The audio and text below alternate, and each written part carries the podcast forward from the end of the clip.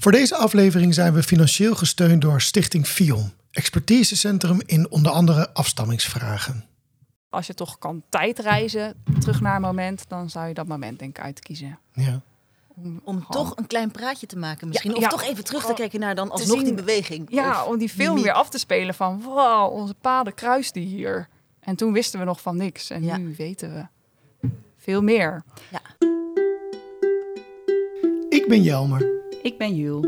Sinds kort weten we dat we halfzus en broer zijn. We zijn donorkinderen van gynaecoloog Jan Wildschut, die in de jaren 80 en 90 zijn eigen zaad gebruikte bij vruchtbaarheidsbehandelingen. We hebben inmiddels meer dan 50 halfbroers en zussen.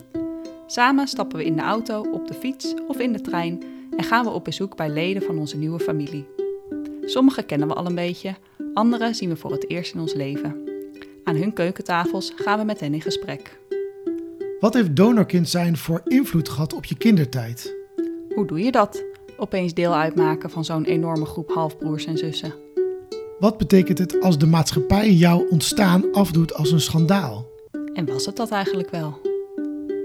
Dit is DNA-zaten.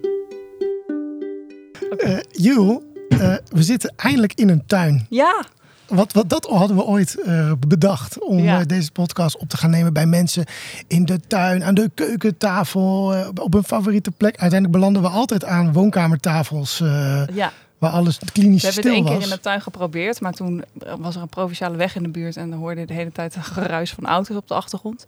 Ik hoor nu ergens in de verte iemand gras maaien, denk ik. Maar ik denk eigenlijk niet dat de luisteraars dat kunnen horen. Nee, en we zitten in een soort nazomerweek. Eh Ja. het, is, het is nog 27 graden, dus jullie zeiden terecht, we gaan gewoon buiten zitten. Ik zeg jullie, Want we zitten hier niet met één gast, maar met twee gasten. Eh, Wim en Patty, welkom. Heel Dankjewel. leuk dat we met jullie in gesprek eh, gaan voor de podcast. Ik, ben, eh, ik vind het eigenlijk ook wel heel spannend. Ik heb Ja. de hele ik ook. week naar uitgekeken. Naar, oh, vanavond gaan we Wim en Patty spreken. Ehm, want waarom is dit zo'n bijzonder gesprek? Het is een spannend gesprek, denk ik, omdat eh, wij eh, rechts van ons aan tafel hebben iemand in wie wij ons heel erg herkennen. Eh, want Patty, eh, ook jij bent donorkind, een deel van een grote groep siblings die ehm, eh, Ja, halfbroers en zussen die allemaal afstammen van gynaecoloog Jos Beek uit Leiden. Dus wij zijn in die zin collega donorkinderen van een fertiliteitsarts. Klopt. Ja, En Wim, ik vind het ontzettend bijzonder dat jij bij ons aan tafel bent aangeschoven. Want jij bent eh wettige zoon van Jos Beek. Ja, dat klopt. ja, Ja, Ik vind het ook heel bijzonder. ja. ja. Hoe kwam je ertoe om te denken, nou weet je wat, eh, ik, doe toch, ik doe toch mee?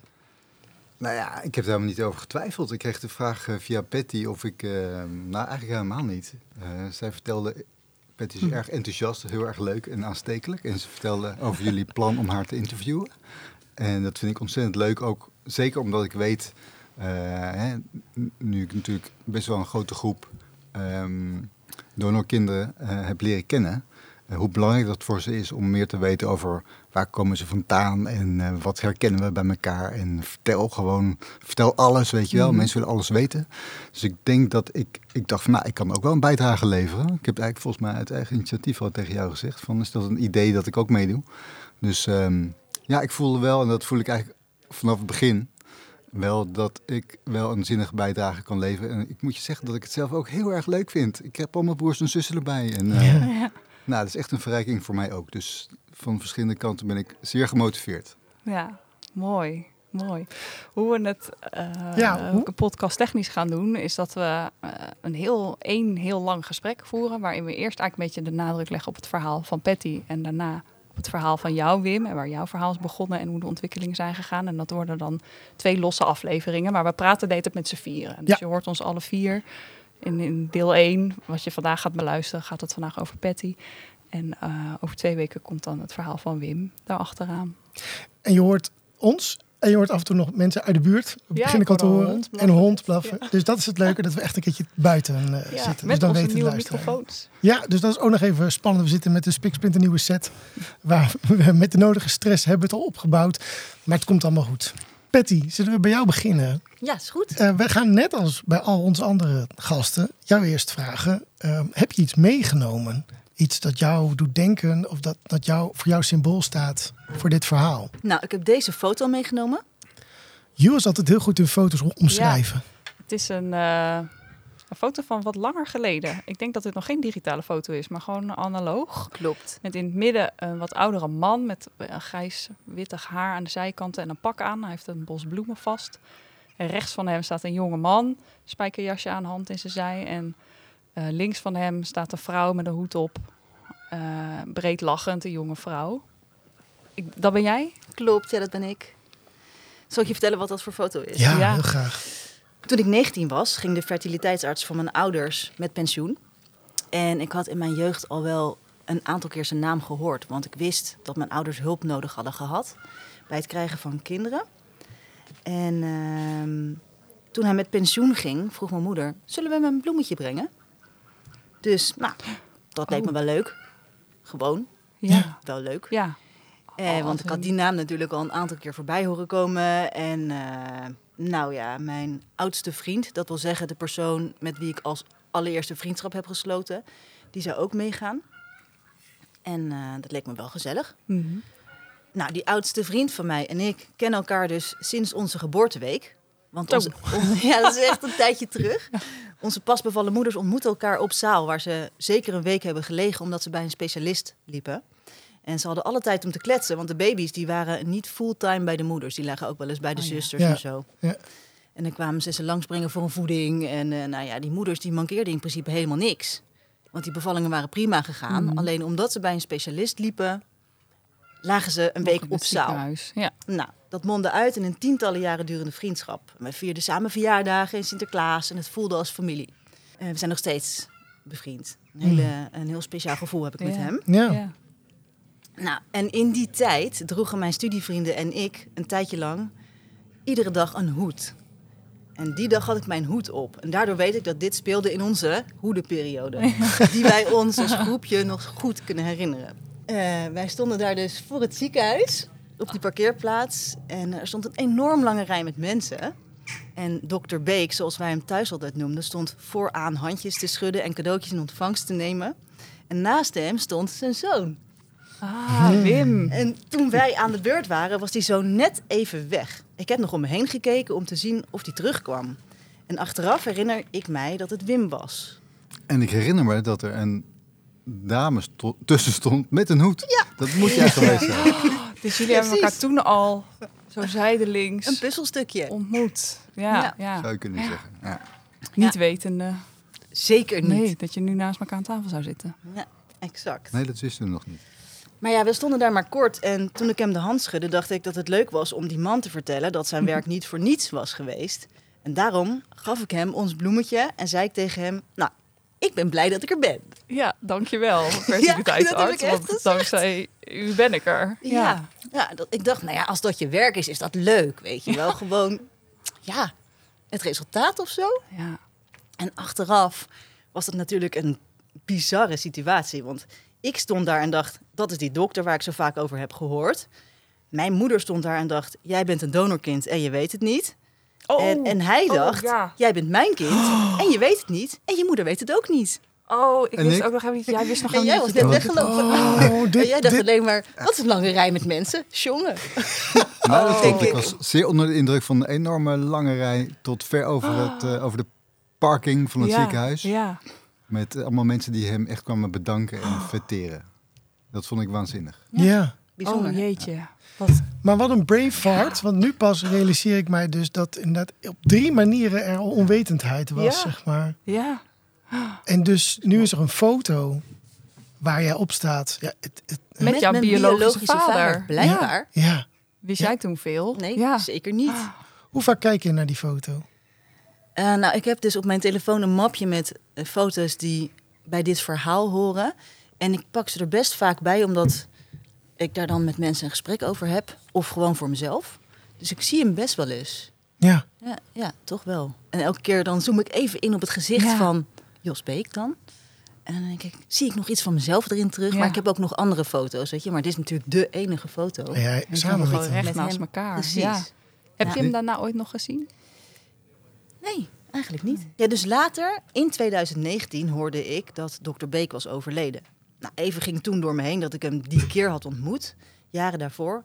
En ik voelde dankbaarheid en verder niets. En later, toen ik wist wat ik nu weet, heb ik het wel heel jammer gevonden dat ik hem niet heb leren kennen.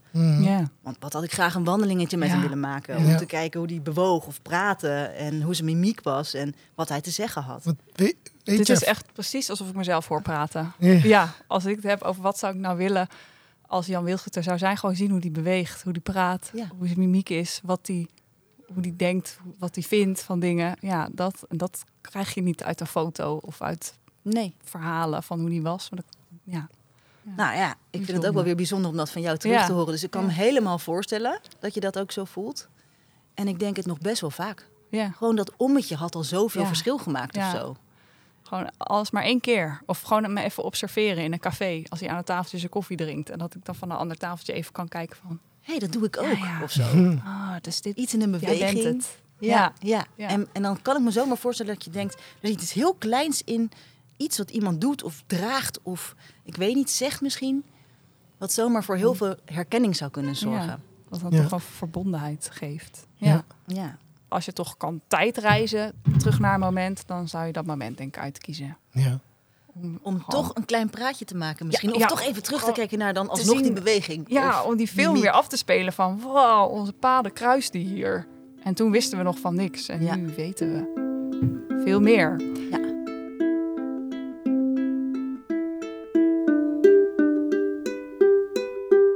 Jij wist op dat moment nog niet dat je donorkind was. Nee. Wanneer is dat gekomen? Ik kreeg op 1 februari 2022 van diezelfde oudste vriend van mij een telefoontje. Ik zat achter de laptop wat te schrijven en hij belde. En dat was gewoon op een, ik dacht een dinsdag overdag of zo. Toen vertelde hij me dat onze superheld in het nieuws was. Want Jos Beek, de Jos superheld. Beek was in ons beider gezinnen, zeg maar, toch echt de held te noemen. Want door hem hebben onze ouders kinderen gekregen. Ja. En ehm, nou ja, hij zei, heb je het al gehoord? En, en ik zei, nee, eh, eigenlijk. Ik had nog helemaal niks van het nieuws gevolgd die dag. Het was 11 uur in de ochtend of zo. Dus toen, eh, toen wees hij mij daarop. En toen dacht ik, hè, wat apart. Nou, dat had ik niet gedacht. Want alle verhalen die ik had gehoord over Dr. Beek... die waren zo lovend en positief. En ja, dit leek daar dan een beetje haaks op te staan of zo. Ja, want dit was het nieuwsbericht waar, eh, waarmee in de media kwam dat Jos Beek dus kinderen he- heeft verwekt met zijn eigen zaad ook. Klopt. Ja. Ja. Nou ja, dat ging natuurlijk over andere mensen, dacht ik. Want ik ben Ja. van mijn vader. 100 procentjes. Hm. Maar ja, het triggert toch enigszins. Ja. Dus toen dacht ik, dat wil ik toch eventjes aan mijn ouders noemen. Misschien hebben zij het nieuws nog gemist. Maar dat doe ik dan even niet via de WhatsApp. Ik bel ze wel even. Want nog eens, tot dan toe was jou, eh, wat jij dacht te weten, was: eh, mijn ouders hebben hulp gehad, maar ik ben gewoon een, een kind volledig van mijn ouders, van beide ouders. Exact. Ja. Dat is het beeld wat ik altijd heb gehad. Ja. Mhm. Dus je belde. Dus ik belde mijn ouders. Ja. Toen vroeg ik, hebben jullie het, eh, het nieuws al gehoord? Ja. Ja, dat hadden we niet van hem verwacht. Oh, oké. En toen gingen ze over op het volgende onderwerp. En toen dacht ik, oh, dat was wel een soort van lauw. Ja. Ja.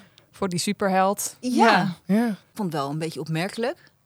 Later die week kwam ik er nog een keertje op terug. En toen kreeg ik eigenlijk een vergelijkbaar antwoord. En toen dacht ik, nou, dat had ik toch niet zo verwacht. Want al die keren dat ik ze over hem heb gehoord, waren ze zo lovend. En zo over hem te spreken. Dus, ehm, nou ja, misschien is dat ook wel de reden dat ze er niks van vonden of zo hoor. Dat kan ook nog allemaal.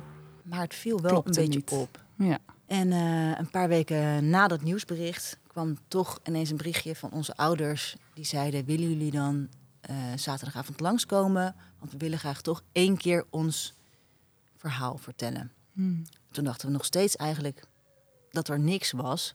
Want we hadden gewoon absoluut geen vermoeden van wat er... Of sowieso dat er een verhaal was, eigenlijk. Dus wij gingen daar naartoe. En toen zaten we daar. En eh, toen viel onze vader met de deur in huis. Hij zei, daar zit jullie moeder. En ik ben niet jullie vader. Zo. Nou, wij zeiden gelijk, het maakt niks uit. En eh, we sprongen op hem af en we omhelsden hem. En we moesten natuurlijk heel veel huilen en zo. Ja. En toen die avond hebben onze ouders inderdaad het verhaal verteld... wat dan de reis was geweest om kinderen te krijgen... en hoe lang het heeft geduurd. En ehm, eh, bij de ene kliniek en bij het andere ziekenhuis. En eh, dat het maar duurde. En dat een collega van mijn moeder op een dag zei: Ga naar Beek, die is goed. Mhm. En anderhalf jaar later of zo was mijn moeder zwanger. Ja, en toen ze klaar waren voor nog een kind, toen mochten ze terugkomen. En zo is dat gegaan. Ja. Maar ja, in mijn beleving was de hulp die ze hadden gekregen gewoon zoiets als een hormoonbehandeling geweest. Ja, precies. Of, ja, Ja. ik weet niet. Gewoon Ja. ondersteuning. Tips, ondersteuning, niet- ja. niet- Want zij hadden dus bewust gekozen voor donorzaad. Uiteindelijk Ja, wel. of bewust. Ja, dat, dat was hun idee. Uiteindelijk bleek het dan de dokter te zijn. Dus zij hebben Ja. gekozen voor een anonieme do Klopt, ja. spermadonor. Ja. En zij zouden dan niet te weten komen wie de donor was. Ja. En daar gingen ze akkoord mee. Het was niet leuk. Het was wel echt afscheid nemen van het idee dat het biologisch gezien van hen allebei was. Mhm. Maar ehm, ja, met liefde opvoeden. Dat waren ze echt van plan. En dat hebben ze ook echt gedaan trouwens. Ik heb de liefste ouders van de hele wereld. wil ik wel graag genoemd hebben. Dat zit, in de, dat zit in de opname. We zullen dat niet eruit knippen. Dat wil ik in. ook heel graag Ja, ja, ja. in de opname hebben. Ja, ja. Dat is nog helemaal niet zo lang geleden, Patty. Dat is, eh, het is nu... eh, Februari Ja, 2022 het is geweest. nu na zomer 2023. Is bij Ja. jullie, dit is de bekende vraag hoor, die wij ook heel vaak hebben. Nee, sorry, niet jij niet. Ik wel. Nee, En anderen ook wel. ja. Is er bij jullie de vraag opgekomen, waarom, waarom nu pas? Waarom zo lang gewacht met dit vertellen? Ehm, het was ook gezegd door de arts tegen mijn ouders Ja. dat het beter was voor het kind. Ja. En ze hadden er ook eigenlijk helemaal geen behoefte aan om het te vertellen. Ze hebben het ook nooit aan iemand verteld. Niet aan een vriend of vriendin, niet aan een broer of een zus. Gewoon echt helemaal aan niemand. Mhm. Wat ik ook best wel, best wel heftig vind of zo. Ja. Echt Ja. heftige dingen zou ik zelf wel graag Ja, willen delen met de mensen die heel om dicht dat bij dan me zo te staan. moeten dragen zonder steun. Zoiets. Ja. Ging toen, toen je dat nieuws hoorde van... Oké, onze vader is niet onze biologische vader. We zijn van een donor. Ging meteen het... kwam er meteen een lampje op van... Oh, zou Jos Beek dan onze biologische vader zijn? Of Helemaal niet. Nee, nou, dan wil ik eigenlijk nog even terug naar het verhaal van het telefoontje van die oudste vriend van mij. Ja. Want die zei dat hij een DNA-test ging opsturen. Eh, bij het nieuwsbericht stond namelijk gelijk een link van... wil je naar aanleiding van dit nieuwsbericht een DNA-test doen? Dan kan dat. Klik hier. Het was heel makkelijk. Ja. En hij zei dat hij dat ging doen. En toen dacht ik, nou, ik doe wel met je mee. Want ik weet zeker dat ik van mijn eigen ouders ben. Ja. Maar voor het geval dat er gerommeld is... ja, doe ik toch maar een testje. Want op geen enkele andere manier kan je erachter komen. nee. Dus Of was er ineens ook nog de mogelijkheid dat jij en je oudste vriend halfbroers Ja. en halfbroer en zus zouden zijn? Oh, nou ben ik heel benieuwd naar de ontknoping. Ja. Cliffhanger. Ja. Ja, ging uit- Dus een paar dagen later stond mijn man met dat wattenstaafje in mijn wang te harken. en dat, DNA. voelde toch wel een beetje gek. 30 seconden, oké, 30 seconden. En ik dacht, wat doen we eigenlijk? Ja. Ik ben toch gewoon van mijn ouders? Maar oké, ik eh, stuur het op, kleine moeite. En terwijl ik het op de bus deed, voelde het toch ook een beetje raar. Ik weet niet, een soort voorgevoel of zo. Ja. Ik had echt geen reden. Dus terwijl jouw het- DNA al onderweg was naar het FIOM, stuurde je het op naar het Ja, FIOM? klopt, ja. ja. ja.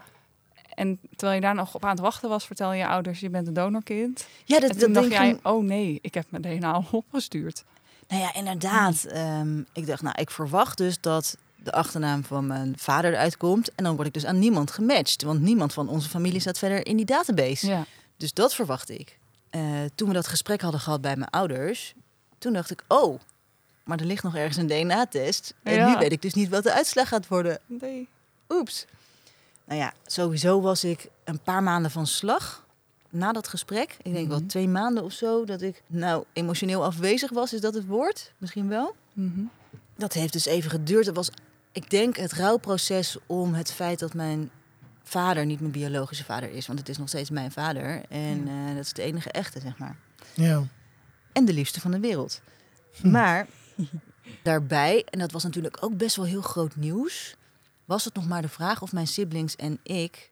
volle Ja. of half verwanten van elkaar Ja. waren. Ja. Want de dokter had wel de intentie om dezelfde donor te gebruiken. Maar ja, of dat was gebeurd, Ja, alles staat ineens op losse schroeven. Precies. Dus in ons gezin was dat echt mega. Ik vond het echt heel groot. Dus ik zat daar met vraagtekens en, en, en grote dingen in mijn hoofd. En dit was zo, zeg, eind februari. En ergens in de loop van april werd ik dus gebeld. En ik zat net met mijn dochtertje op de fiets. Ik werd gebeld en ik dacht, ik stop even langs de kant van de weg voor het geval dat er iets belangrijks is. Dus ik nam op en toen kreeg ik eh, de medewerker van Fiom aan de lijn. Mhm. Een hele prettige man trouwens. En die zei, kom... Fred. Ja, het was. Fred. Fred. Fred Als je zegt Fion, prettige man, dan zeg je Fred. Er is maar één prettige man of zo. Nee, nee, nee, ja. Sorry, oh, alle andere mannen bij Fion. Sorry, dat had ik niet moeten zeggen. Het boegbeeld van het viool. Ja, wel een beetje toch. Wat een goede manieren heeft die man. Ja, nou. Toch? Ja. En eh, hij vroeg heel vriendelijk of het uitkwam. En eh, nou, dat kwam het helaas niet. Dus we spraken af om een dag later te bellen. Dus ik zat 24 uur zat ik Ja. naar dat telefoontje toe te leven. Oh nee. Ik dacht echt, wat gaat die man vertellen? Maar ergens denk je ook, waarom zou die bellen? Dus eh, ergens weet je ook al iets of zo. Of nou ja, je voelt wat aankomen misschien. Dus eh, de volgende dag belde hij. En ehm, nou, toen hadden we een heel fijn gesprek. Maar hij begon inderdaad met het nieuws. Namelijk dat ik verwant was aan die groep. Ja. En hoe, hoe, hoe groot was die groep toen? Op het moment van het nieuwsbericht geloof ik dat die groep 13 was. Eh 13 personen. En ehm, hij zei aan de telefoon dat het er al 33 waren. Ja. Dus naar aanleiding van het nieuwsbericht Ja. waren er allemaal nieuwe matches binnengekomen. Ja. dat is vergelijkbaar met hoe het bij ons Bij is gegaan. Ja. Ja. ook de explosieve groei naar aanleiding van de nieuwsberichten. Dat is inderdaad eh, Best wel een Ja. groot verschil in twee maanden tijd of zo. heftig. Ja. Ja. En, eh, Weet je nog wat er door je heen ging? De ja. gedachte dat je 33 eh, siblings nu erbij had. Nou, dat, dat kwam eigenlijk niet zozeer binnen. Maar toen zei hij, gisteren sprak ik een donor-halfzus van je. En toen dacht ik, "Ah, Ja. ik heb Halfzus? een donor-halfzus. halfzus? Ja. Wacht even, ik heb donor-halfzussen Ja. en donor-halfbroers. Wow. Ja. Toen pas drong het door. Want als je het woord broer of Ja. zus gebruikt, dan Ja. wordt het ineens echt of zo. Emotioneel. Ja. Ja. En dan worden het mensen in plaats van getallen. Ja. Ja. En wat dacht ik? Ik dacht ehm, sinds het gesprek met mijn ouders, ik ben, of ik het nou leuk vind of niet, een donorkind. Dus dan kan ik wel of niet van dokter Beek zijn. Ehm, maar dokter Beek vonden mijn ouders tenminste nog een prettige man. En Ja. er is al van alles over bekend. Ja. Terwijl als het een andere donor is, ik nog helemaal bij nul moet beginnen met het zoeken Ja. van informatie en, eh, en aanknopingspunten.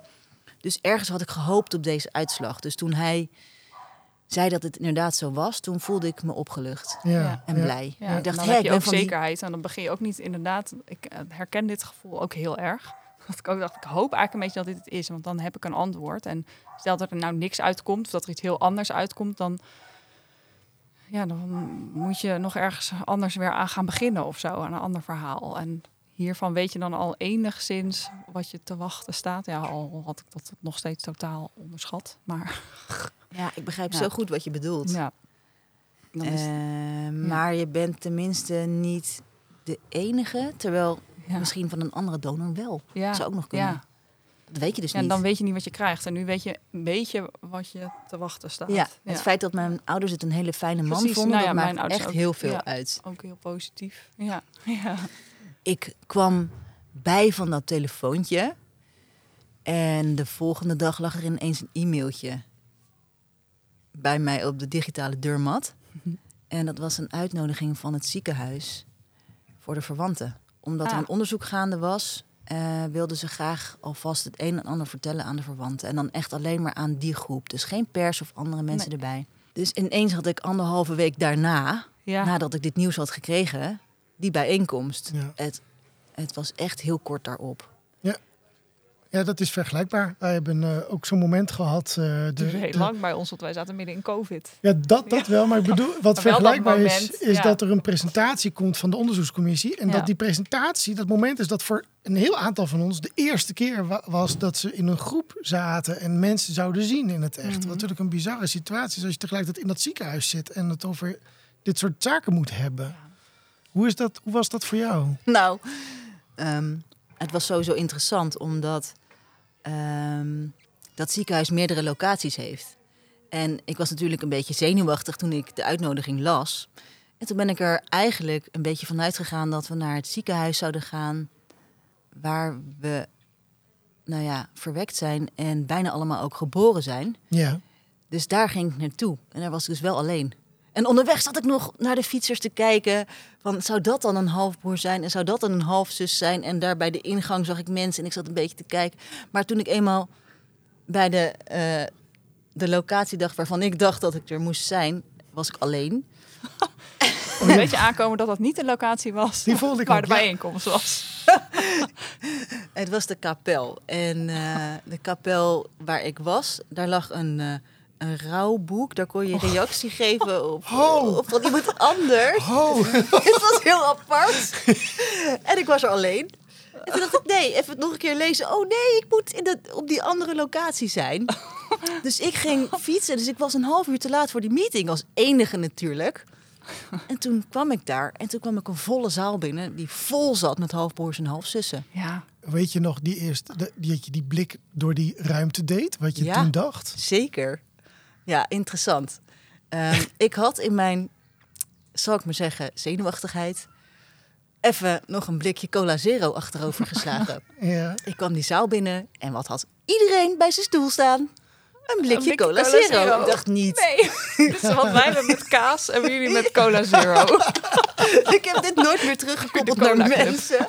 Maar op dat moment dacht ik, maar dat meen je even niet. Ja. Je kan ook iets anders drinken, weet je wel. Ja. nou ja. En toen zag ik ook al die neusjes. Want iedereen Ja. die... En wat is getypeerd aan jullie neus? Wij hebben een beetje de haakneusjes een beetje, zeg maar. Nou, ik heb een hybride neus. Een hybride? Maar heel veel mensen hebben dus inderdaad de neus van Jos. Hm. Heb jij de neus van Jos, Wim? Ik heb ook een hybride neus. Wim, kun, kun jij de neus omschrijven? Wat is er? eh, Was het de beekneus? Ja, omschrijven. ehm, een beetje ja, rechte neus. Ik zou zeggen een soort... Ja, nou, ik zeg toch maar een soort krachtig of zo. Ja, ja, ja. een beetje rechte, sterke neus. Hmm. Ja, maar wel best wel hybride. Ja. Ja, wat, Luisteraars weten echt niet wat een Nee. hybride neus is, mensen. nou ja, als ik naar Patty's neus kijk, denk ik niet... Oh, wat een Wat rechte, hyb- grote, aanwezige neus. Je hebt een heel klein, mooie... Moet je eens Zit zo aan elkaars Hey. neuzen te beschrijven. even aan deze kant gaan zitten. Ja, maar jij hebt volgens mij wel min of meer die neus, of niet? Nou ja, Ik heb geen flauw idee wat je met hybride bedoelt, maar het klinkt wel... eh, ja, een mengvorm oké. Je zag in ieder geval veel dezelfde neuzen. neuzen. tussen die van mijn moeder en die van mijn biologische vader, blijkbaar. Oh ja. Terwijl heel veel mensen die van onze biologische vader hebben. Ja. Er stonden de neuzen dezelfde kant op. Op dat moment wel, want er werd een presentatie gegeven. En toen ik binnenkwam, gingen al die neusjes naar mij toe. Naar jou. En toen was er dus één jonge man die snel even een jas van een stoel trok, zodat ik ook een plekje had. Dus Ja. daar ging ik zitten en toen dacht ik, oh my god, wat is dit? Maar goed, Ja. ik luisterde naar de presentatie, die prima was. En die werd afgesloten met zoiets als... eh, wij hebben thuis gezegd dat we laat thuis zullen zijn. Daar staat thee en andere dingen om te drinken. Als jullie willen kletsen, dan kan dat. Ja. Wauw. En wie, nog Ja. even, hè, wie was ze? Wie stonden daar? Wie waren ziekenhuis. dat? Ja. Dat hoeft niet bij naam, maar wat voor functies waren dat, zeg maar, die daar stonden? Kan het Bestuurs, nee, dat zijn bestuurs... eh, Ja. Ja, ja, precies. Bestuur Ja. van het ziekenhuis. bestuur van ja. het ziekenhuis. Het bestuur van het ziekenhuis stond daar. En die hadden dus eigenlijk min of meer aangegeven... wij zijn hier voor jullie, we blijven zo lang als jullie willen, zeg maar. Ja, Dat alleen alleen, ik weet nog, daar, daar ben ik heel benieuwd, daar wil ik heel graag jou over horen. Want wij hebben heel vaak in die tijd gedacht, wij hoorden zo af en toe wat dingen over hoe Al- Alrijne omging met dit, deze kwestie. ja. En vaak dachten wij, oh, wat doen ze dat goed. Wat, Ja. ehm, toch? Maar- en het scheen ook dat ze bij Isela heel erg hebben nagevraagd van wat hebben jullie gedaan in het verhaal Wildschut? Wat moeten wij nu doen? En dat we ook wel een beetje dachten, ja verdorie. Of nee, niet verdorie, heel fijn dat Alreine daar die tips ter harte heeft genomen. Maar dan hadden wij van Isela misschien ook wel gewild vanaf het begin. Ja. Want we moesten het toch een beetje leren. Wat ook niet gek is, want het was de eerste keer in Ja. het ziekenhuis. Maar, Maar, klopt, ja. klopt onze indruk, Pet, Ja. Pet- Petty, jij kan het nu zeggen van binnenuit, dat er, ja, het is misschien het verkeerde woord, maar dat het best wel warm was of begripvol, empathisch. Of, Dat klopt. Ja. Ja. hoor. Het waren eigenlijk hele prettige mensen die we tegenover ons hadden. Ehm, en die met het onderzoek bezig waren. Want er was een externe commissie die dan het onderzoek zelf deed. ja, dus dezelfde externe commi- commissie die die, ook die, ons... eh, ja. ja. die, die onderzoekt volgens mij alle fertiliteitsschandalen in Nederland. Ja. ja, Ja, dat naam klopt. En, eh, maar degene die dan namens het Orijne, of namens het ziekenhuis, het woord deed, vond ik een heel prettige persoon inderdaad. En er waren er dan twee die ik eigenlijk de hele tijd zag. Dus dat was ook wel fijn, want dan had je altijd een beetje dezelfde gezichten. Want die je de hele tijd zag, want daarna heb je ook nog met, de, met het ziekenhuis contact gehad. Ja, er waren een paar bijeenkomsten. En als je wilde, kon je ook nog je persoonlijke verhaal vertellen. En dat heb ik ook gedaan. Dus ik ging daar nog een keertje apart langs om mijn verhaal te vertellen. En ehm, ze waren toen ook nog bezig met het extraheren van interessante feitjes van die verhalen voor het onderzoeksrapport. Ja. Dus ik heb ze meerdere keren gezien en gesproken. Klopt. En ehm, ik zat dus in die zaal toen nog dat praatje gaande was. En toen zag ik wie er voor mij zat. Dat was dus die collega van mijn moeder. Die had gezegd, ga naar Beek, die is goed. Oh. Dus toen dacht ik, want ik kende haar natuurlijk van vroeger. We hadden ook nog wel koffie gedronken met haar en ik had met die kinderen gespeeld. Ja. Jij zit Dus die hier kinderen ook. met wie ik vroeger heb gespeeld, zijn ook verwanten. Ja. ja. Dus er kwam ineens een heel netwerk naar boven waarin je dus al mensen Ja, En- al hebt gekend. En hoe, hoe was dat verder? Want eh, jullie hebben die bijeenkomst gehad. Was jij toen ook al inmiddels... Is er sprake, was er toen al sprake van een gro- groep of van contact onderling met elkaar? Dat, dat, dat is, eh, wa- was dat vergelijkbaar met, met ons of is dat anders? ik denk het wel. Want jij bent dan in jullie groep eh, van de eerste lichting, als Ja. ik het goed heb begrepen. Ja. En eh Jules van een veel latere Ja, wij lichting. zitten een beetje in zo'nzelfde soort lichting. Ik ben ook door het nieuws Ja. ben ik erbij gekomen als nummer 35. Nou, jij zat ook ergens in de 30. Ja, ja, klopt. Ja, ja. inderdaad. Onze paden lopen ook heel gelijk, maar dan in twee verschillende Ja. verhalen. inderdaad. Ehm, ja, want er was dus al een groep mensen al een paar jaar bezig met dit verhaal eigenlijk. Ja, Daar waren dan steeds een paar mensen bijgekomen. En ehm, toen ik in die zaal was, toen eh, we mochten kletsen, zeg maar. Toen sprak ik een paar mensen en toen bleek er een WhatsApp-groep te zijn. Ja. En daar ben ik diezelfde dag nog aan toegevoegd. En ehm, niet iedereen zat erin.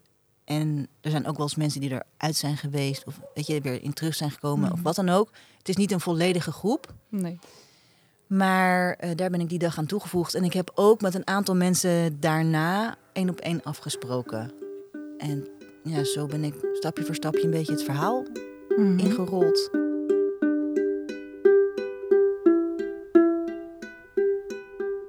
Nou heb je heel veel eh, afleveringen ook van onze podcast geluisterd. Ja. Herken je veel van de verhalen? Zeker, ja. Er zijn zeker wel dingen die, die ik herken. En, ehm, Zijn, er, zijn er gevoelens of hè, emoties die je her- her- herkent? Ja, zoals bij een aantal van jullie groep is het bij mij ook niet verteld tot ik ruim Mhm. volwassen was. Mhm. En dat komt overeen met een aantal mensen. En de manier waarop je daar dan mee omgaat is ook weer per persoon anders natuurlijk. Ja. Eh, dus sommige van die reacties kon ik ook wel herkennen. En ehm, bij sommige dacht ik, ja, dat had ik ook. En daarna werd mijn reactie toch, zeg maar een paar Ja. maanden later of zo, alsnog weer anders. Ja, hè? Maar dat is ook zo, hè? Of zo, waar je doorheen Ja. gaat. Terwijl in het begin, ja, eerste reactie was... Pap, dat geeft toch helemaal niet? En jij bent mijn vader. Ja. En Ja. nou, dat. Hebben we ook heel duidelijk naar elkaar uitgesproken, zelfs al in die eerste week na dat gesprek. Ehm, jij bent mijn vader, zei ik tegen hem. En hij zei tegen mij, jij bent mijn dochter. En dat hebben we gewoon daarmee nog een keertje extra bestendigd en bekrachtigd. Dat is ook zo. Het maakt me ook niks uit dat ik niet biologisch aan hem verwant ben. Ik vind het wel jammer. Ik zou het heel graag hebben gewild. Ja. Maar aan de andere kant, zoals het nu is, is het ook goed. Dus ik ben ook heel dankbaar en tevreden zo. Ja. Dus eigenlijk is het gewoon goed. En ik had het graag willen weten. Ja. Wel. Ja. En dat, het een, het een sluit het ander niet uit. Dus het, het wel eerder willen weten, maar ook oké zijn met hoe het Ja. nu is. Ja. Ja, die snap ik heel goed. Ja. En oh, wisselt het ook, dat herken ik tenminste bij mezelf. en Volgens mij, we hebben al een keertje eerder met elkaar gepraat, herken je het ook wel. Wisselt het ook hoe je deel uitmaakt van zo'n groep? Dat je de ene keer daar weer meer een golf hebt van ja, nu vind ik het weer leuk en interessant. En dan weer denk ik, oh, het is me te veel. Is dat, herken je dat ook, dat, dat het schommelt? Jazeker. Ehm nou, het is wel interessant dat de twee groepen elkaar qua grootte niet erg ontlopen. Nee. Nee. En eh, toen ik jullie eerder sprak, toen vond ik het ook heel interessant om te merken dat ook qua beroepsgroepen de groepen heel erg overeenkomen. En dan wil ik daar nog eventjes de aantekening bij maken dat het niet per se voelt alsof je een lid bent van een groep. Nee, precies. Eh, maar als je de mensen ontmoet, dan heb je met de een meer een klik en met de Ja. ander misschien ietsjes minder een klik. En dat is ook heel normaal. Het is net een familie, zeggen we wel eens. Precies. En wat was ook weer de vraag? Of het, Oh ja, je evolutie qua je gevoel in die groep of zo. Ja, klopt. Ehm, ja, ik ben gewoon veel te nieuwsgierig om dit allemaal voorbij te laten gaan. Dus mijn angsten en mijn zorgen en mijn van alles en nog wat, dat was ondergeschikt aan die enorme nieuwsgierigheid. ja. Dus ik ging er wel gewoon in. En En, en elke stap was er weer één. Ik wist wel, ik kan niet alle stappen tegelijk zetten. Dat hoeft ook niet. Maar ik vind het wel heel interessant om ze te zetten. Mhm. Dus een stap was ook een keertje één op één afspreken met een van mijn donorhalfzussen. Eh en een stap was ook contact opnemen met de wettige zoon, bijvoorbeeld. Dat vond ik ook een hele aparte stap. Ja. Weer anders dan met een ander Ja. eh, Ja. verwant afspreken, zeg maar. En zo waren er allemaal stapjes. En ook bijvoorbeeld eh, iemand die zei... ik heb een mooie profielfoto van Jos. Wie hem wil, eh, mag me even een persoonlijk berichtje sturen. En dan stuur ik hem apart op. Want niet iedereen heeft behoefte aan het zien van die foto's. Oh, Ja. Dat is heel fijn in die WhatsApp-groep. Dat je daarin heel erg gerespecteerd wordt voor Ja. wat je wil en wat je niet wil. Ja. Ja, snap ik. En eh, nou ja, het was dus ook weer een stap om te zeggen... ja, ik wil die foto wel heel graag zien. Ja. Ik denk dat jij die hebt ver- verspreid, Wim. Ik weet helemaal niet welke foto je bedoelt. Nee? Nee? Eh, het was van 2018, echt een, eh, Oh ja. een portretfoto. ja, dan weet ik het. Ja, dat heb ik inderdaad eh, op verzoek van Fred van het Vion Oh, oké. Oh, ja. en Katelijne heb ik die eh, gestuurd. Naar het Vion. Met en de toestemming om die te verspreiden. Ja. Ja. Ah, ja. Ja. Onder jullie, hè? Ja, ja. Ja, ja precies. Wat heeft de, en wat, wat heeft dat contact en die nieuwsgierigheid en die contacten aangaan met eh, donor, halfbroers en zussen, wat heeft het je gebracht? Nou, iets heel groots voor mij is dat ik mezelf eigenlijk niet herkende voor een deel in mijn familie. De familie met wie ik ben opgegroeid. En natuurlijk wel, hè. er zijn allemaal dingen die ik wel herken, maar er waren allemaal eigenschappen die ik eigenlijk nooit kon Mhm. plaatsen. Dus toen ik die nieuwe mensen leerde kennen, viel er, vielen er allemaal kwartjes gewoon. En dat was zo fijn. En het gaf zo'n gevoel van rust en, en Ja. ook eigenlijk van thuiskomen of zo. Heel gek. En je deelt een heel bijzonder verhaal, dus dat maakt ook al uit. Dat maakt dat het contact leggen soms soepeler gaat dan gemiddeld. Ja, Dan met elke nieuwe vreemdeling Ja. of zo. En eh, dus die herkenning vond ik heel prettig. Ehm, en met sommige mensen had ik ook heel erg duidelijk het gevoel dat ik ze al heel lang kende, wat helemaal niet zo was. Maar ja, zo voelt het nou eenmaal. Mhm. Ja. Of je doet in heel weinig woorden heel veel band creëren. Ik weet niet precies. Het was Ja. gewoon heel bijzonder om dat mee te maken. En soms werd er ook iets georganiseerd.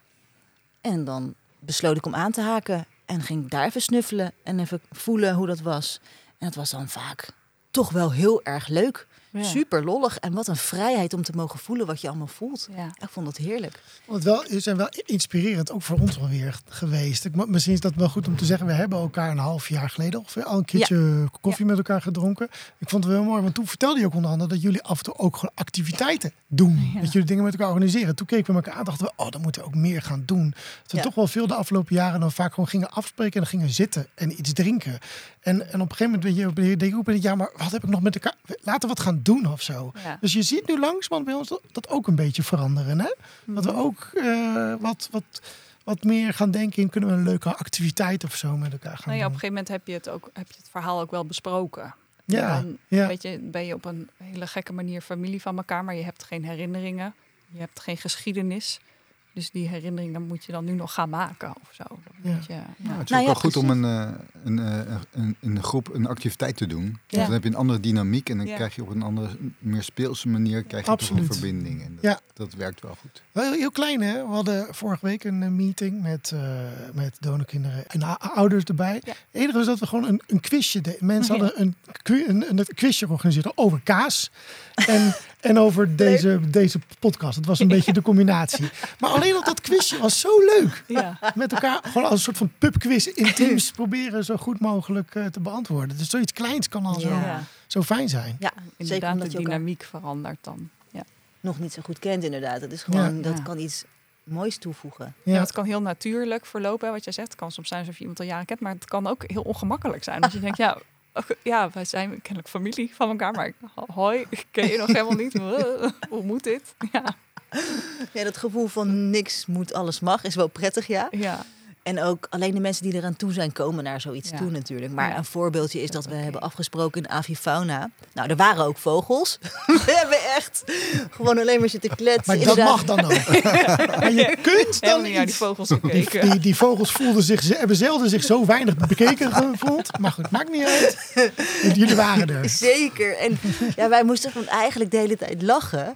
Want we herkenden gewoon kleine grappige dingetjes bij elkaar. En een van die voorbeelden is dat we toen naar die tropische tunnel liepen, wat een soort pad is met één richting. En dan loop je van A naar B.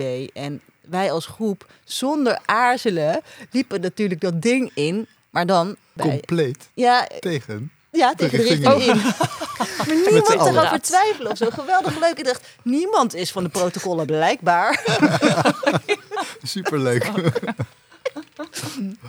Herkenningspuntje. Ja, in één keer waren we een dikke familie zo. Ja, ja, ja. ja. Zo grappig. En wat nou zo grappig is, jullie praten dus in we. Dus Wim, jij bent dus heel vaak bij dit soort dingen ook.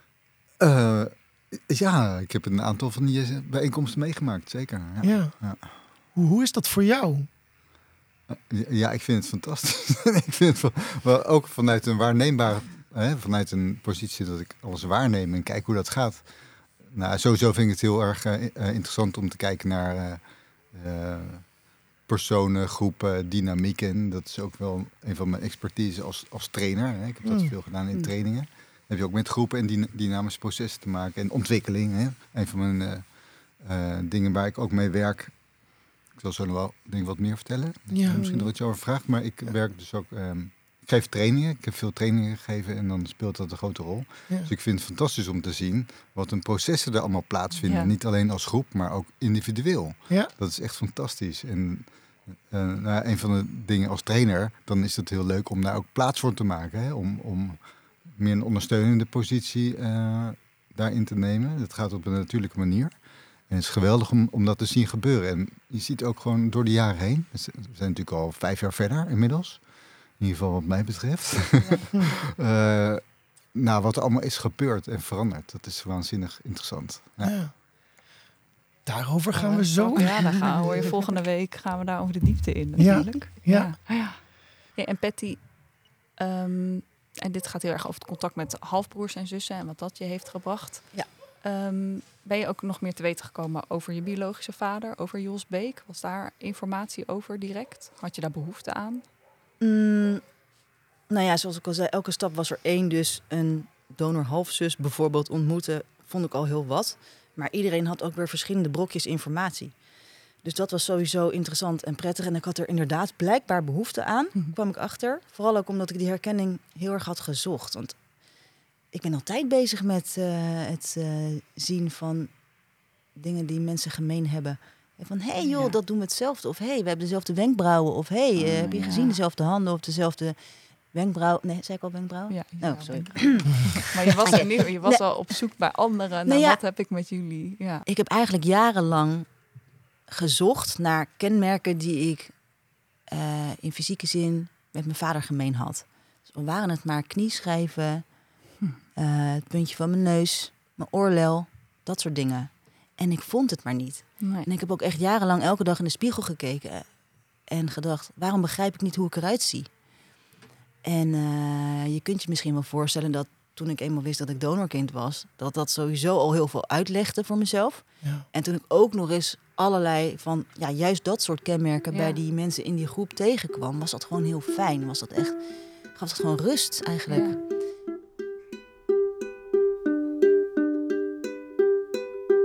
En het, het gretige van elkaar willen leren kennen, zeker in die eerste periode, dat, daar heb ik ook wel van genoten. Het was een soort achtbaan, maar we deden het tenminste samen. En thuis was het allemaal nog niet zo makkelijk om erover te praten, maar met die mensen tenminste wel. Ik, ik voelde vrijheid, ik voelde Mm. ademruimte en dat was ook allemaal heel erg prettig.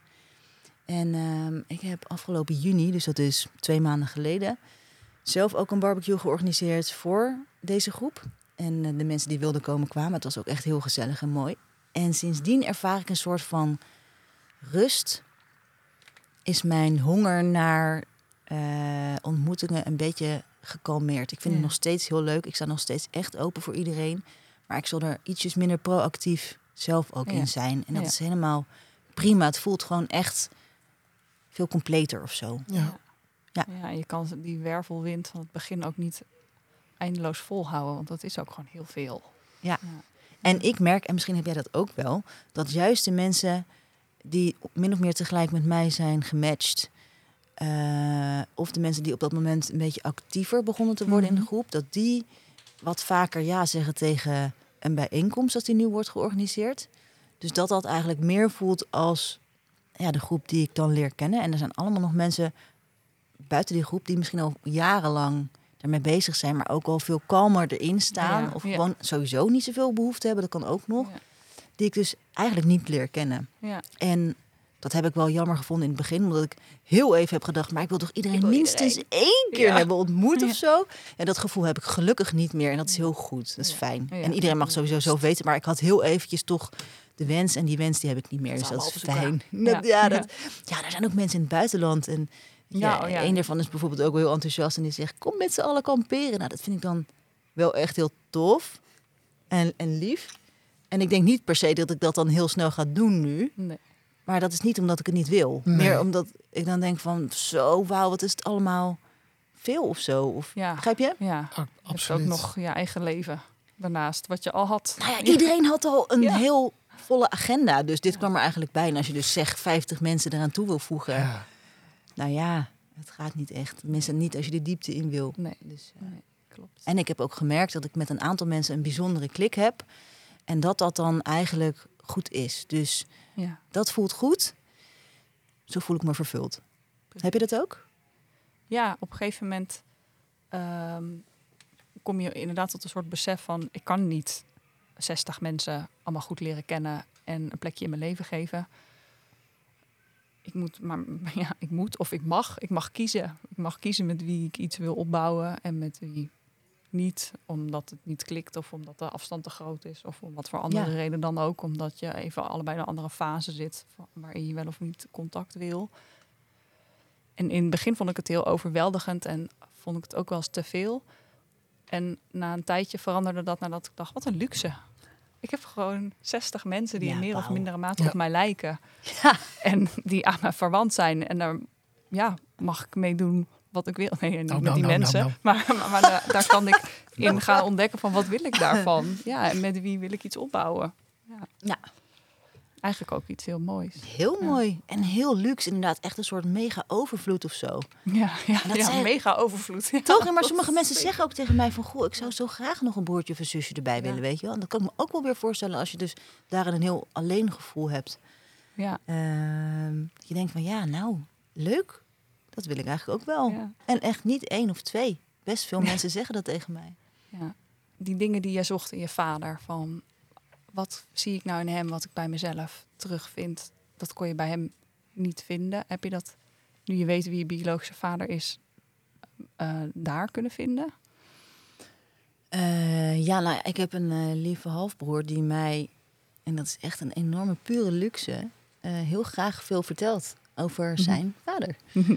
Kijk naar Wim. Dus ik kijk naar Wim, omdat hij natuurlijk echt is opgegroeid met Ja. en 50 plus jaar hem heeft gekend. Dus ja, dat is ongelooflijk. En dan denk ik ook heel vaak aan die mensen die inderdaad een soort contract hebben. Dus eh, recht hebben op een kwartier, kwartiertje of op een eh, eenmalig gesprek met een donorvader of zo. Mhm. Die misschien een heel andere taal spreekt en in een heel ander land woont. En dan denk ik, ja, oké, dat ommetje ga ik dus niet met hem maken. Ja, Maar wat ik wel heb, is echt een ongelofelijke schat aan verhalen en informatie en foto's. En eh, ja, jij zegt ook wel dingen als: hey, dat heb je ja. een beetje hetzelfde als. Ja. Of eigenlijk heb je ook wel. eh, eigenlijk lijk je ook wel een beetje op mijn pa of zo. Weet je, dat soort dingen zeg je. Waardevol. Fiets jij dan zo tussendoor. Ja. En dat is dan allemaal, allemaal bonus, allemaal extra. En daarom kan ik ook heel erg eh, voor mezelf eh, daar een rust in vinden. Dus ik kan me ook voorstellen dat als je dat gevoel hebt van ik blijf nog maar zoeken, dat Mhm. dat, dat, dan, dat dat heel moeilijk is in je leven en, en heel veel energie kost.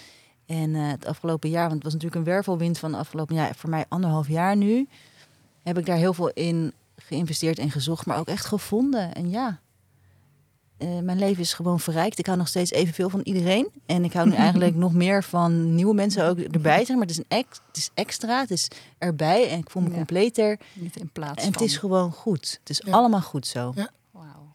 Ik ben ook echt mijn donorvader heel dankbaar. Ja. Ja. En dat zeg jij, ik ben mijn donorvader heel dankbaar. Tegelijkertijd eh, is hij in het nieuws gekomen omdat hij eigen sperma heeft gebruikt bij de behandeling van vrouwen die graag een kind wilden. ja. Heb je daar nog dubbele gevoelens over? We zijn er al, hè. Het is dus niet een kwestie van, goh, zou je daar iets van vinden? Nee, we zijn er al. Hij heeft mijn ouders zielsgelukkig gemaakt.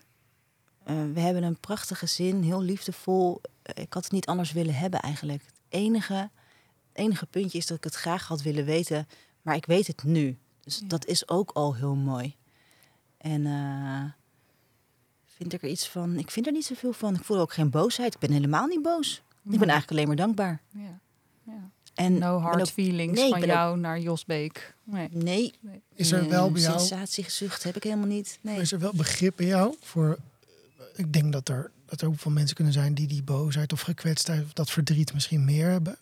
Kun je dat wel begrijpen? Ja, tuurlijk. Maar het ligt ook helemaal aan de manier waarop je bent opgegroeid. Ja. Mm -hmm. Ja. En of dat wel of niet fijn was, bijvoorbeeld. Ja. ja, en of je de consequenties die het nu met zich meedraagt... of je die als belastend ervaart of niet. Want jij ervaart ze niet als, als, als belastend. Je hebt het over een, een, rijkdom aan nieuwe mensen om je heen. Ja. Maar ik kan me ook voorstellen, dat, nou, ik kan me ook voorstellen, ik vind het zelf soms ook ja. be belastend wel. Uh, hoe lief ik die, die, de mensen ook allemaal ook vind. Maar het is een heftige bagage die je met je mee moet dragen, zeg maar. Ja, klopt. Maar ik ben ook wel weer heel erg blij met juist die eigenschappen die mm. ik van die kant heb. Dus in zoverre ben ik er ook gewoon heel blij mee. Ja. Ja. ja. harmonie. Ja. Wat ik, wat, uh, als ik zelf iets moet bedenken, dat is een beetje raar, ga ik input leveren voor wat jij zou moeten vinden. Maar, maar, maar wel een beetje parallel ook met ons verhaal. Ik denk, er zijn veel nakomelingen in hetzelfde gebied. Dan ja. denk ik, daar hadden die mannen toen toch over na moeten denken dat dat misschien niet slim was. Want daar waren al afspraken over van je moet maximaal zoveel. Ja zo vaak hetzelfde zaad gebruiken. Klopt, ja, ik weet waar je het over hebt. Uh, ik weet ook niet of in die tijd al bekend was wat DNA was en hoe dat combineerde en dat soort dingen. Dat weet ik eigenlijk helemaal niet. Nee, nee want jullie zijn net iets, ja, jullie zijn nog weer net een slagje kleine ouder. generatie voor ons, hè? Ja.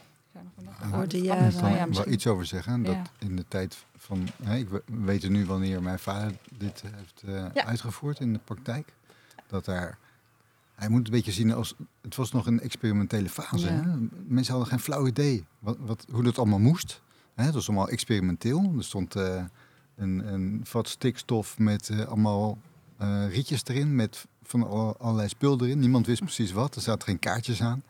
Er werd mee geëxperimenteerd. En um, er waren absoluut nog geen ethische vragen over. Het was gewoon van Ja. überhaupt maar kijken of het lukt. Ja. En ehm, ja, dat is, dat is het begin geweest. Ik ben natuurlijk niet de generatie van Wildschut, hè, waar die zit, maar dat weet ik wel van. ja. En dat was een beetje jaren begonnen bij 70, mijn 80, denk ik. Nou ja, eind jaren 70. Ja, Ja. jaren 70. Ja. Ja. Ja. dat kan best zijn inderdaad dat dat toen nog anders was. Ik weet dat Wildschut zelf, Jan Wildschut heeft in eh, interviews wel eens gezegd van je moet niet vaker dan zes keer het zaad van dezelfde man gebruiken, want anders loop je risico op dat halfbroers met elkaar in contact komen. Maar goed, dat was dan alweer twintig jaar later. Er waren nog geen getallen en, en, criteria. Ja. eh, in dat opzicht überhaupt niet wat Nee. speelde. Nee. Maar, Dat Nee, weet ik dus dan dat is van mensen die meer achteraf kennis. Ja. en Dat ook kwam later, ja. op dit moment zitten de kinderen inderdaad bij elkaar op school. Dat is een feit. ja. De volgende generatie Ja, alweer. de kwartjes. Ja, ja. Ja. Ja. ja, de kwartjes. Ja. ja. Dat is ook nog wel mooi genoemd, Ja. maar dat is eigenlijk wel een leuke term. En, en dat is ook zo. Dat is, eh, toen ik laatst mee was op celkamp, liepen er dus een aantal van mijn nou ja, familieleden rond. Ja. Ja. En eh, dat vond ik juist leuk. Ik heb die kinderen ook helemaal niet aangesproken, want ik weet ook niet of zij dat verhaal kennen. Nee, dat is ook nee, nog nee. per gezin verschillend natuurlijk. Ja. Vertel je het wel of niet, je kinderen. Ja. Ik heb het wel gedaan. Best wel kort nadat ik het zelf wist. En het was heel fijn, heel prettig. En ik vind het ook zo lekker om niet een geheim voor ze te bewaren. Want ik hou Ja. helemaal niet van geheimen. Nee. En we hebben het er gewoon over. En ze ontmoeten ook mijn nieuwe familie. Wat ook hun nieuwe familie Ja. is. Ja. En dat is prettig. En als ik dus zeg van... Hé, hey, jij zit op school met eh, verwanten. Wist je dat? Eh, nou, eh, oh. Ja. Krijg je dan een beetje te horen. Kinderen nemen dingen ook maar gewoon aan. ja. Maar wat jij natuurlijk eigenlijk bedoelt is... Als je dan Ja, ehm, relaties zou krijgen met eigenlijk familieleden... waarvan je dus niet eens wist dat het familieleden waren. En er komt zo'n eh, niet wenselijk eh, Mhm. ziekte uit... Mhm. dan is dat heel naar, absoluut. Misschien de allerlaatste vraag eh, voor dit, dit, dit stukje, Ja. Patty. Ja. Ehm, is er iets dat, dat jij nog heel graag dat hierover had willen zeggen, waar we nog niet naar hebben gevraagd, voordat we eh, iets meer nu de focus naar Wim gaan leggen? Ja, in allereerste instantie heb ik nooit eh, verdriet of boosheid gevoeld. Eh, maandenlang niet. Maar eind 2022 kwam dat alsnog. Toen wist ik ook dat het echt heel erg belangrijk voor mij was om mijn verhaal te kunnen vertellen, om mijzelf te zijn. Want uh, vanuit mijn gezin van herkomst werd dat eigenlijk niet aangemoedigd. Uh, er was natuurlijk wel begrip voor als ik het aan mensen wilde vertellen, maar er was ook moeite. Hmm. En daar heb ik heel erg veel rekening mee gehouden, totdat bleek dat dat heel erg lastig voor mij was. En dat ik me heel erg beklemd en benauwd voelde daarin. Iets wat zo groot is in je eigen leven, ja. niet delen. Nee, ja. Wil. Mensen vroegen hoe gaat het? En ik kon niet eens antwoord geven. En ik dacht, nee joh, ik, ik vind dat heel erg moeilijk. En ik vind het juist fijn om het te delen. En met je mensen die reageren eigenlijk helemaal niet vervelend. Nee. Integendeel, iedereen bewondert mijn ouders. En we zijn blij met elkaar. Ik bedoel, al die dingen zijn gewoon heel fijn en positief. En daarbij is het ook prettig om te weten waar je vandaan komt. Ja. Dus eigenlijk is er niks aan de hand als je dat zelf tenminste niet zo voelt. Mhm. Dus dat was een groot ding in mijn leven. En uh, ja, sinds dat ik uh, dat duidelijk heb gemaakt, voel ik veel meer de vrijheid uh, die ik echt nodig heb om gelukkig te zijn. En uh, anders dan zeg je eigenlijk, het is niet goed dat ik er ben. Ja, ja dan moet je een deel van jezelf geheim houden of afkeuren. Of, ja. ja. Dat is goed dat je er bent. Ja, nou ja. Ik ben blij dat ik er ben, ik zoals ik ook al zei tegen, tegen Jos. En dat meen ik. Ja. En het is goed zo. En ik ben blij en dankbaar. En, um, en ik hoop en ik wens iedereen dat eigenlijk toe. Laat ik het zo zeggen. Iedereen van deze en alle andere groepen uh, wens ik dat toe. Je hebt geluisterd naar het eerste deel van ons gesprek met Patty en Wim. Volgende keer het vervolg. Dit was DNA Zaten, een podcast van Jelmer en Jules. Wil je ons steunen? Ga dan naar vriendvandeshow.nl slash dnazaten. Je kunt ons ook volgen. Kijk dan op Instagram, @dnazaten. Heb je behoefte aan meer informatie? Kijk dan op de websites van FIOM, Stichting Donorkind en het landelijk informatiepunt Donorconceptie. De linkjes vind je in de show notes en op dnazaten.nl. Ben je op zoek naar verdieping? Lees dan de roman Kit, KID, die Jelmer heeft geschreven over zijn verhaal en die je kan vinden in de boekhandels. Tot de volgende!